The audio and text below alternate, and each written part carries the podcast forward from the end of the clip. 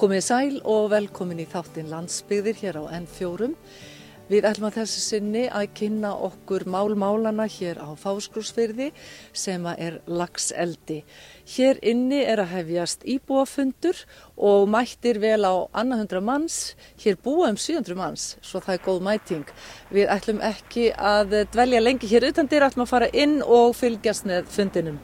Launghefðir fyrir því að íbúasamtökin á Fáskursfyrði fundu um þau mál sem brenna hver heitast á íbúanum. Óhætt er að segja að skiptarskoðinni séu um stórfæld áformum fiskaldi í Fáskursfyrði. Íbúafundurinn var haldinn í síðustu viku. Fráfærandi formaður íbúasamtakana er ekki hlindur fiskaldi í Fáskursfyrði á þessum tímapunkti.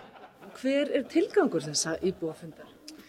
Hann er náttúrulega fyrst og fremst að, að afla upplýsingar fyrir bæjarbúa. Það fannst okkur vanda mjög mikið upp á. Lagseldisfyrirtækinu hafði ekki gert neitt í því að kynna sín áform hér í, í okkar þorpi og síðan var sveitafélagi búið að samþykja lagseldistefnu sem heldur, hefur heldur ekki verið kynnt á meðal íbúi hér á Fósksfyrði. Þannig að okkur fannst nöðsilegt að kalla þess aðela til fundar og, og upplýsa okkur hvað þeir eru raunverulega að gera og hvað þeir áforma. Kom það verið á óvart að þeir skildu mætallir? Eh, nei, ég var búin að snúða upp að handleikin á þeim öllum, þannig að, en ég var mjög ánæðið með bæði bæjafulltrúa og þingmenn kjörðamins að, að, að koma til fundað við okkur og hlusta á okkar rattir. Ber það ekki voltum að hérna sé alveg gífurlega stort mál á ferðinni? Jú, þetta er náttúrulega stort mál á landsvísu og kannski kristallast umræðan hérna eh, að, að þetta er ekkit einsleit skoðun hvort að þetta sé hefli atvinningurinn eða ekki. Hva, hvað er það helst sem tókast á um í ykkur? Eh, hjá okkur tókast það fyrst og fremst um eh, ásýnd fjörðarins hér, áhrif á atvinnulíf og, og við viljum bara stíga varlega til jarðar. Þegar þú segir við, hver erstu með á bakviði? Það, ég er náttúrulega frábærandi formaður íbúa samtakana og er búin að starfa það í, í þó nokkuð mörg ár. Þannig að ég er fyrst og fremst bara að tala fyrir íbúa á fáskursvili. Hvað eru þeir margir? Þeir mættu vera fleiri, pappi heitinn sagði að við værum 700 og, og, og hefðum alltaf verið 700 og munum alltaf verða 700 en, en vonandi breytist það nú. Mm. Viljið þið þá almennt ekki fá fiskeldi? Jú, ef að það er í, í sátt við íbúa og, og náttúru og, og það atvinnilíf sem fyrir er á staðnum að þá er ekki títi fyrirstöðu og, og e, það má alveg sjá það að byggðalög sem að hafa lendi í vanda og orðið undir í samkeppnu um, um veiðiheimildir hafa verið að nýta sína náttúru e, auðæfi sem að eru fyrirðirnir en okkur finnst Eh, kannski lítið koma fyrir fjörðin okkar og að það sé kannski ekki þörf á þessu akkurat núna. En tekur þetta ekki einhverju ára byggja þetta upp þannig að þetta getur komið sér vel einhver tíma sætni í harðindum? E, jú, það tekur náttúrulega nokkur ár og, og vonandi verða það bara afgöfundur okkar í framtíðinni sem að uh, taka þá ákvörðun uh, hvort að þeir vilja þetta eða ekki, hvort eru meiri hagsmunir að vera með þetta eða ekki. En þú ert ekki vafa, hvað þér finnst? Mér finnst þetta ekki eiga erindi til okkar akkurat á þessum tímanpunti, nei. Það eru tvö fyrirtæki, Laxar Fiskaldi EHF og Fiskaldi Östfjörða EHF sem hafa uppi áform um stór aukið fiskaldi á Östfjörðum. Þannig að framleiðslan verði samtals 50.000 tonn og innan nokkur ára verði framleiðslan 70.000 tonn sem skapi 1600 störf og skili 50 miljardum króna í útflutningstekjur á ári. Hver er aðkoma sveitarfélagsins í, þegar þið fáið þessar já, umsóknir frá fyrirtækjanum? Hvað getur þið gert? Ja, sko, skipalagsvald sveitarfélagina er ekki til fjörða eða haf- og strandsvæða. Hún nær, nær bara ekki þangað. Þannig að við höfum reynur ekkit annað en svona umsagnir, við getum veitt umsagnir um það þegar að vera að veita leif í fjörðunum og við gerum það svo sannarlega, við nýtum okkur það. Það sem við erum síðan að gera núna, við erum að mynda okkar stefnumótun og ætlum núna sjálfa að fara út í það að gera nýtingar áallar fyrir fyrðina vegna þess að við verðum að hafa raun og veru þá rauk fyrir því hvernig við viljum hafa skipulagið inn í þessu umsagnir sem síðan eh, fara inn í, inn í til umfjöldunar þegar að vera að veita þessi leifi og þegar að vera að gera umhverfismat fyrir, fyrir fyrðina. Sveitafélögin eru mjög mikið að berjast fyrir núna að fá þetta skiplasvald og hafa eitthvað um þetta að segja vegna þess að það segir sér sjálf. Þegar þú ert að skipulegja landi og hefur umræðið við því, þá hlýtur þú að vilja sko, skipulegja það sem er á, á fjörðunum þannig að þetta passi saman. Við erum líka að verja, já, verja við erum að tryggja það að þessu siglingarleiði greiðar því vegna þess að það eru okkar lífæð inn í starfseimina sem er inn í fjörðunum. Um, við erum líka að velta fyrir okkur efnistökumálum og ímsu öðru sem að eh, tengist okkar málum líka bara því hvernig við ætlum að standa ferðarþjónustu og svo framvegis og framvegis. Þannig að það, það er á mörg að taka, sveitafélagin hafa skoðan á þessu, vilja hafa skoðan á þessu, en þau vilja ekki bara vera í einhverju umsagnarferlum, við viljum raun og veru hafa þetta vald að geta skipulagt fyrir þeirna. Tak, vil taka það fram að skipulastofnum fer yfir eins og þegar við erum að skipulegja landi, þá fer skipulastofnun yfir það skipula þannig að þetta má alveg sjálfsög vera undir því eftirliti eins og, og hefbundi skipula þannig að það, það má alveg fylgjast með hvað, hvernig við erum að gera hlutina. Við viljum líka gera þetta í góðu samstæri við þá aðeila sem að eru að fara að setja fiskaldi í fjörðunum og, og vinna með fyrirtækjunum en við þurfum líka að vinna með þeim fyrirtækjum sem fyrir eru og, og taka til til skoðanir íbúa á, á þessum, þessum málum. Þannig að Þessum erum við að fara út, sjálf út í þessi nýtingállin til þess að eiga þetta orð, fræga orð samtal við alla aðila og, og búa þannig að áallum sem allir geta sætt sig við vonandi að, að lokum. Kom þetta svolítið flatt upp á okkur einlega þessar, þessi óskum um leifisveitingar? Nei, uh, þetta er kannski ekki hvað var þar hér ákvæmna fyrir því eins og ég reyða fyrir það búið að ræða þetta mjög lengi en þetta kemur samt mjög skindilegin núna svona 2-3 árum þá bara fara hlutinir að gerast og, og hérna það er verið að sækju um leifin og þetta svona fyrir að ganga hraðar. Og þá kannski koma spurningarnir upp svona þegar hlutinir er að fara að gerast. Þeir eru kannski, kannski vond að vera að velta svo mikið fyrir sig þegar það er mjög langt í, í að þetta, þetta gerist. En nú stýttist í það og þá náttúrulega eru meir umræðu uppi sem er alveg gríðarlega mikið veg að, að, að eiga og að það sé góð umræðum þessum Hvað er mikilvægast í þeirri umræðu að komi fram og upp á yfirborðu? Já, það er náttúrulega bara er að eins og kom fram í umræðinu hér að umhverfismati sé mjög vel unnið og, og það sé ekki deilunum það að það sé rétt. E, Burðarþólsmat fyrir fyrir því sé vel gert e, og það sé tekið tillit til þessa þátt að eins og ég sagði hann, það er líkil atrið að um sjálfbært fiskaldi vera ræða sem því það við viljum skila fjörðunum og samfélaginu hér ánfram til komandi kynnslóða. Það er líkilatrið. Hvernig er hljóðið í já, íbúðum í þýrisveitafélagi gagvart þessu, svona almennt? Almennt séð, þá er umræðan svona, eins og við búum að fjalla um þetta lengi, þá er hún kannski svolítið að ákveðin þungi umræðin núna. Það, ég held að fólk sé bara mjög mikið að fræðast og fara yfir þessi, þessi mál. Oftur er náttúrulega skoð, alls konar skoðanir uppi meðan er verið að fjalla um málið. En ég held bara að, að við séum að rétti leið með því að vera mynd búið til stefnumótun á vettfólki sveitastjórnarinnar eða bæjastjórnarinnar og, og vinna þessar áallanir með, með íbúum og, og fyrirtækjum hér. Það er líkilega. En uh, ég sé að hér eru margir þingmenn kjörðæmisins.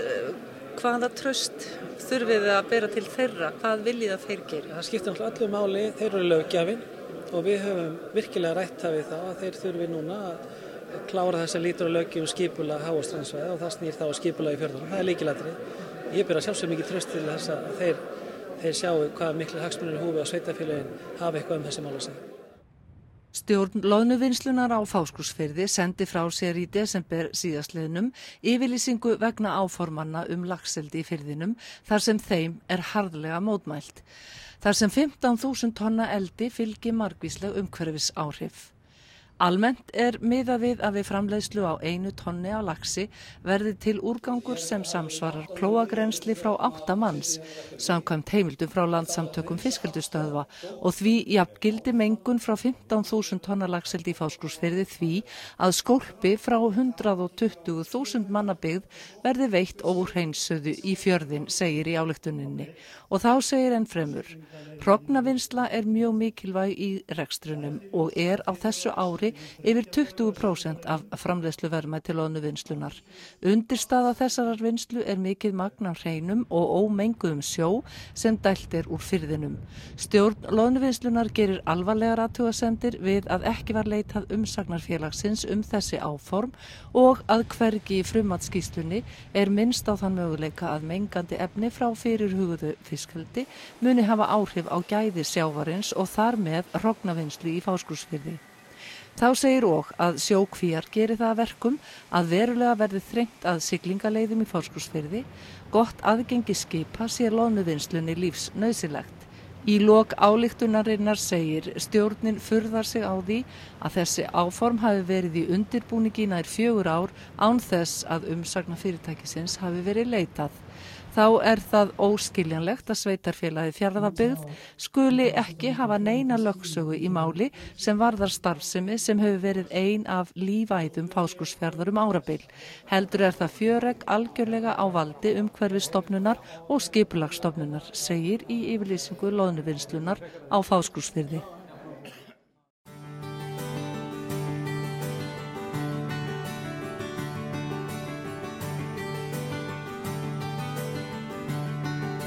Áfram höldum við að fjalla um það mál sem helst brennur nú á íbúum fáskursfjörðar, stórfæld áform um lagseldi í fyrðinum. Fjölmennur íbúafundur var haldin um málið í síðustu viku. Á fundunum talaði lögfræðingur Náttúruvendarsamtaka Íslands. Hann benti meðal annars á að norsk fiskeldisfyrirtæki eigi stóran hlut í flestum lagseldisfyrirtækjum hér á landi. Hann sagði að norsku fyrirtækin væri að sækja í ókipis afnót af hafinu og fjörðum hér við land. Í Noregi þyrti fyrirtæki til dæmis að greiða 120.000 norska krónur í auðlindagjald fyrir hvert tonn. Fyrir 15.000 tonna eldi þyrti því að greiða 22 miljardar króna. Ferðarþjónustubóndi benti á að ekkert samráð hefur verið haft við íbúana og annar benti á að fyrirhugað fiskaldi mengi á við 150 til 200.000 manna byggð. Einar Káguðfunnsson, framkvæmdastjóri landsambands fiskaldistöðva, var á fundunum á fáskursfyrði. Helsta gaggrinni fundarins hér á fáskursfyrði var kannski skortur á upplýsingum og ákveðin tortregni sem kannski má jafnvel heimfæra á ákveðina hræðslu. Skiluru þessi sjóna með íbúa? Mér finnst bara eðlilegt að við séum að tilbúin til þess að hverjum tíma að reyna að upplýsa sem mest um þess aðtöðunum grönu. Málstafurinn okkar er líka góður. Ég skil vel að núna þegar það er að gerast að þessi grein er að byggjast upp hér á östfjörðum. Það kom fram að Eh, eldisfyrirtækjanum verða starfandi um næstu áramóti í kringum 100 manns, ekki engungu við lagseldi, heldur líka við aðra annars konar fiskvinnslu og það er eh, óskup eðlilegt að fólk kalli þá eftir upplýsingum um eh, tækifærin og hvað er að gerast og hvað mögulega kunna gerast í, í sambandi við þetta. Hins vegar er þannig að í öllu þessu ferli sem að fiskaldistöðunum er ætlað að ganga í gegnum þá er aðkoma almennings mjög mikil og það kom með mjög skýrt fram á þessum fundi En við auðvitað fagnum umræðinu, við fagnum því að eftir því sem kallað að, að við reyðum fram upplýsingar og, og það stendur ekkit á okkur að gera það. Nú heyrðið svolítið svo gaggrinni hér á fundinum að, að í raun væru stöðvarnar sjálfvara annast eftirlitið. Er eitthvað hæft í því? Það er auðvitað þannig að fyrirtæki eins og fiskeldi og þá við auðvitað um flesta aðra starfsemi landinu hafa innra eftirlit og það er reyndar hveðið á um það í lögum og gert ráð fyrir því nýju frumvarpi sem að eh, sjálfstráður hefur bóðað að sá þáttur verði styrtur því auðvitað má segja sem svo að það innra eftirlit fyrirtækjana skiptir miklu máli og það er hagsmunni fyrirtækjana að það sé sem allra best. Síðan er hins vegar í kringum fiskeldið mjög e, mikið eftirlit sem er lögbundið og fer fram í margskonar stofnunum, fisk, e, fiskistofu, matvælarstofnun, umhverfistofnun, samgöngustofu og svo framvegis og uh, fleiri aðilag mættum við nefna. Þannig að þetta, þessi atvinnugrein lítur auðvitað mjög miklu eftirliti en, en fyrst og fremst auðvitað, verður við að höfða til ábyrðar fyrirtækjana sjálfra og það er í þeirra hag að vel sé að öllu staðið. Hvað er þetta stór atvinnugrein í dag í tónnumtali og fólksfjölda og hvert stefniði á næstu í að segja um fimm árum? Já, það er auðvitað svolítið erfitt að horfa fimm ára áttur í tímanu við vitum auðvitað ekki hvaða leifi við munum fá.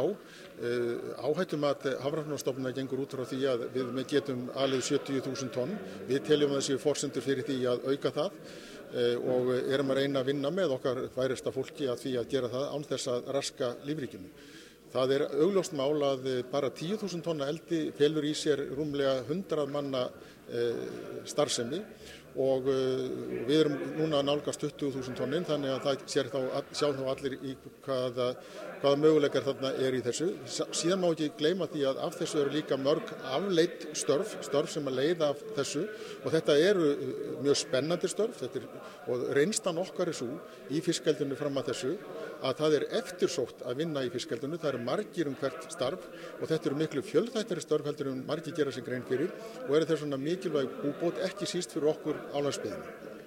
Hvað er hægt í því að norðmenn sé að koma hinga vegna þess að þeir þurfu ekki að borga sömu gjöld eins og þeir þyrtu annars í Nóri? Það var þannig í Nóri að það var ekki farið að innheimta gjöld sem en einu namn fyrir en að þeir voru farinir að framleiða mörg hundruð þúsund tonn af, af uh, fiski. Það er mjög eðlilegt og það var niðurstaða til dæmis í stefnumótun aðila sem komu aður mörgum áttum uh, núna í, á síðastlinu hösti. Að það var óeðlilegt að innheimta mikil gjöld á atvinnugrein sem væri í uppbyggingu og vexti. En uh, við höfum ekkit skotið okkur undan því að það sé eðlilegt að við greiðum einhvers konar afnóta gjald í einhverju formi.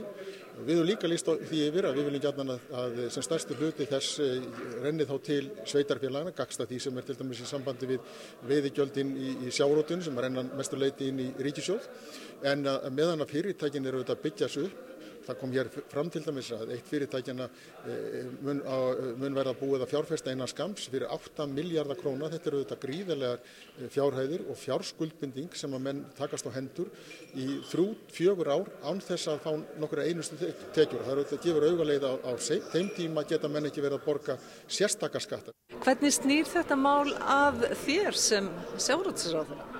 Þetta snýr ágætlega mér að þýrleitinu til að, að við erum að horfa hér upp á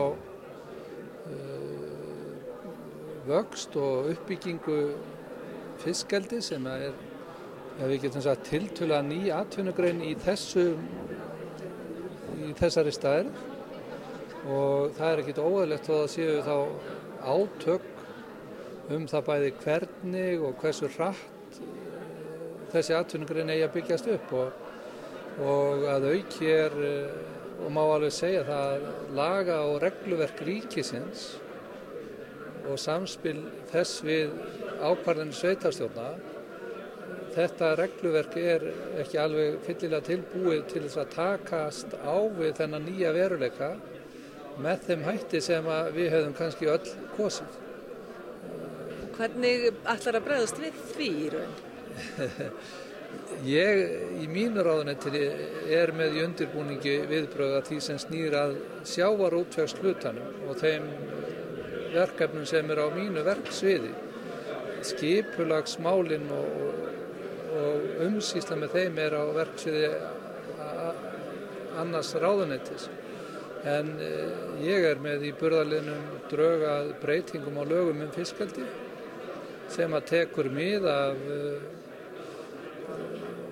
svona niðurstöðu nefndastar sem að helstu hagsmuna aðilar begja vegna borðs áttu með sér og frumarpið mun byggja á þeirri niðurstöðu og fyrsta aðtóasemda frest er lokið og ég vænti þess að geta mælt fyrir þessu og lagt þetta frumarp fram í februar lok mars byrjun og þá kemur það væntanlega til umfjöldunum í atvinnuganemdini sem að óskar þá eftir umsögnum fleiri um, um málið. Þannig að ég tel að að minnihálu séu við að bregðast ágætlega við en svo kunna vera að skipta skoðanur um innihaldi í frumvarpinu eðlilega. Telur þetta séu ósamrýmanleg sjónamið? Nei, alls ekki. Ég meina, ég er á þeirri skoðun að Íslendingar hafa í gegnum tíðina byggt sig upp í mismunandi góðavísu sambandi við náttúruna Stjó, í stjórnarsáttmannum með skýr fyrirheitum það þessi vilji til þess að þetta, þessi atvinnugrein byggist upp en með þeim fyrirvörum aðri óvissu og svörum sem að leiðir af henni verði svarað með rannsóknum og niðurstöðum þeirra og vísindarlegum sjónarmið. Þannig að við viljum ákveðið ganga fram með þeim ætti að þessi atvinnustar sem byggist upp en með fullri varuð gagvart öllum umhverju státtum og þetta er ekkit ósamrýmanlegt en það kann að taka í á meðan við erum að koma okkur saman um það með hvað, hvaða hætti þetta skulle gert. Og við endum þennan þátt með því að gera uppfundin með fráfarandi formanni íbúa samtakana á fáskursfyrði. En áttu vona á í ljósi þess hver sveitarfélugin hafa lítið um þetta að segja að þetta muni breyta einhverju? Eh, vilji er það sem að þarf. Skulum láta þetta vera loka orð í rættunum landsbyðum sem við ljúkum hérna frá fáskursfyrði. Þakka við kærlega fyrir þetta. Sem leiðist, það fyrir komina.